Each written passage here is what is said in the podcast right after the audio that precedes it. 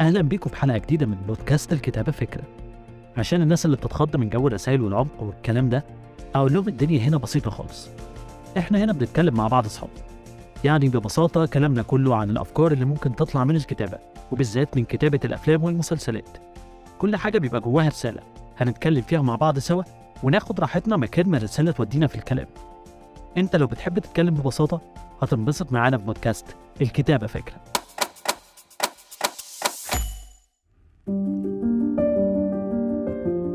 المشاعر طبعا أحلى حاجة في الدنيا. دي الهبة اللي ربنا اداها لنا علشان تخلينا نعيش تخلينا نحس بإنسانيتنا.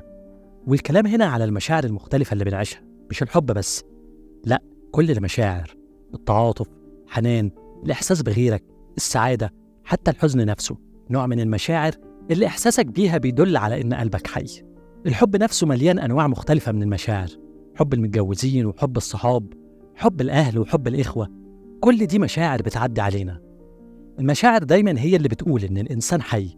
إنسان من غير مشاعر يبقى اعتبره رجل كرسي أو درج كومودينو. والمشاعر دي كلها لازم تتقدر كويس. وده اللي وداني الفيلم فيه كمية مشاعر كتير قوي رغم إنه مش فيلم رومانسي ده يعتبر جزء منه تشويق وتحقيقات. الفيلم الأرجنتيني The Secret in Their Eyes عنوانه الأصلي بالأسباني علشان الناس اللي بتحب الأسباني El Sus Ojos.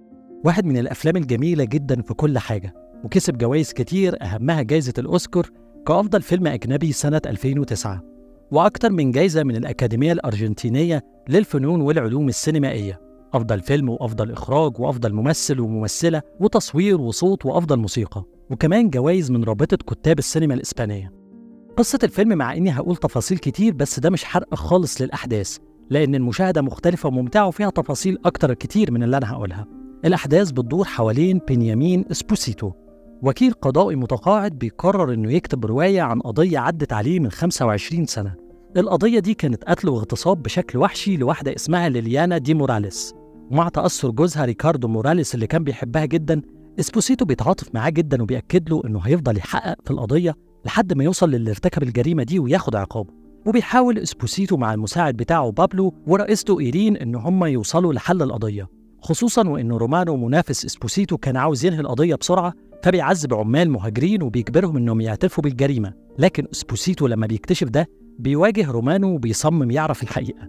وبنشوف من خلال الفلاش باك رحلة إسبوسيتو إنه يوصل للقاتل والتفاصيل كلها اللي بيحطها في الرواية. ولهفة ريكاردو موراليس على الوصول لقاتل مراته بأي طريقة.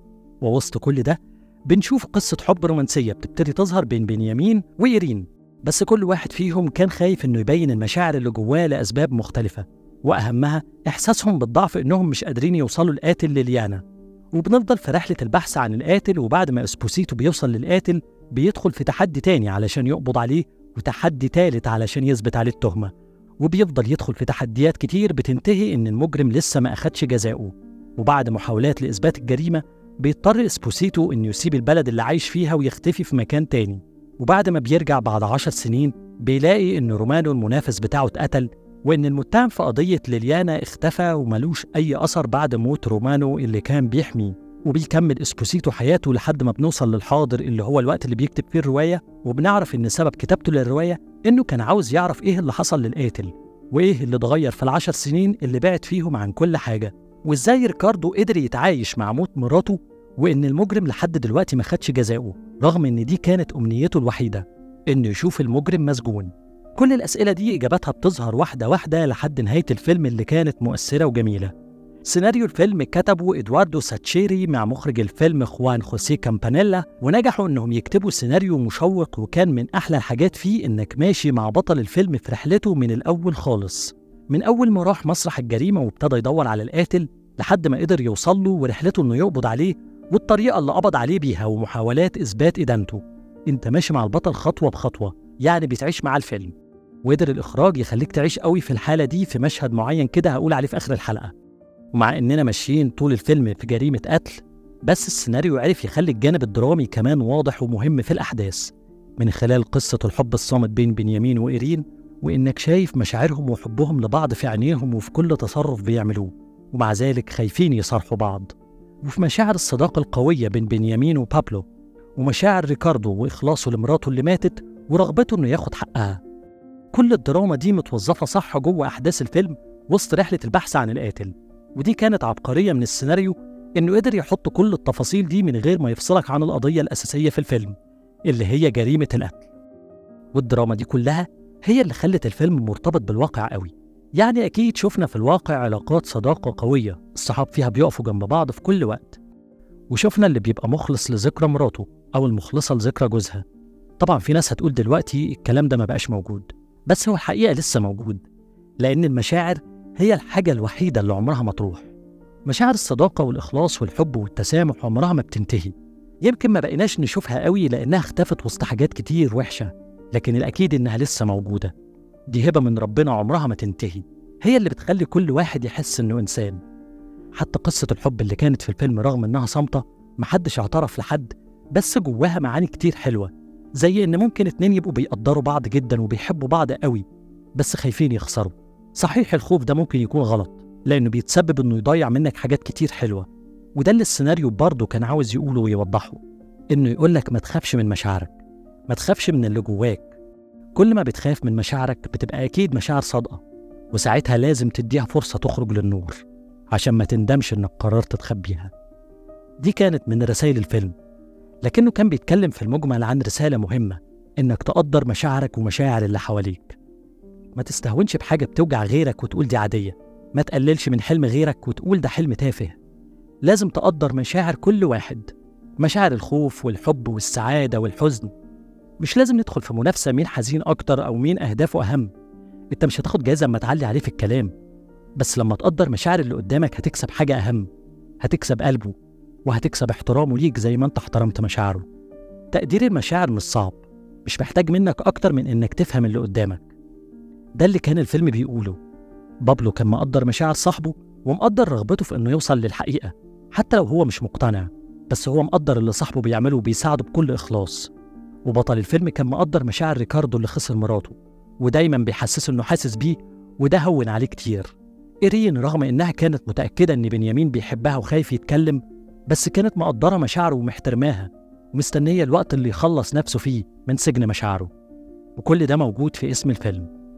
The Secret in Their Eyes لأن فعلا السر في عيونهم. العيون بتظهر فيها كل المشاعر. عشان كده عمرها ما خبت أسرار. العين هي اللي بتكشف السر وبتبين المشاعر. هي اللي بتتكلم لما اللسان بيبقى ساكت مش بينطق.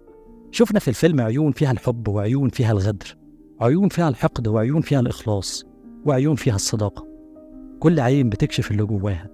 عشان كده السر دايما في العيون. لو النور مكانه في القلوب فالمشاعر مكانها في العيون. الفيلم حقيقي ممتع جدا وفيه مشاعر كتير حلوة. والمشهد اللي كنت بقول لكم عليه هو مشهد القبض على القاتل.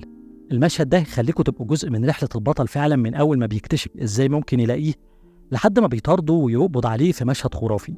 والمشهد ده مشهور جدا وممكن تتفرجوا عليه لوحده موجود على اليوتيوب باسم ستاديوم سين حاجة خرافية بجد. وكمان ركزوا في مشهد النهاية عشان مشهد حلو قوي بالذات مع موسيقى الفيلم الجميلة اللي خدت جايزة أفضل موسيقى في مهرجان هافانا للفيلم. بالمناسبة الفيلم ده له نسخة أمريكية بطولة جوليا روبرتس ونيكول كيدمان علشان ما تتلخبطوش بين الاتنين. في اختلافات شوية في نسخة هوليوود فاتفرجوا الأول على النسخة الأرجنتيني وأكيد هتنبسطوا. فيلم The Secret in Their Eyes هيبقى رحلة جميلة جوه مشاعركم. زي ما كانت الحلقة دي كمان رحلة مع الفيلم. استنوا رحلة جديدة مع فيلم جديد الحلقة اللي جاية في البودكاست المفضل ليا عشان بكلمكم فيه الكتابة فكرة.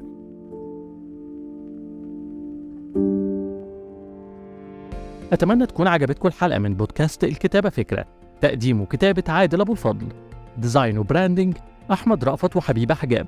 تقدروا تسمعوني من Spotify Apple Podcasts SoundCloud Podeo وأنغامي شكرا ليكم على استماعكم واستنوني في حلقات تانية من البودكاست المفضل ليا عشان بكلمكم. الكتابة فكرة.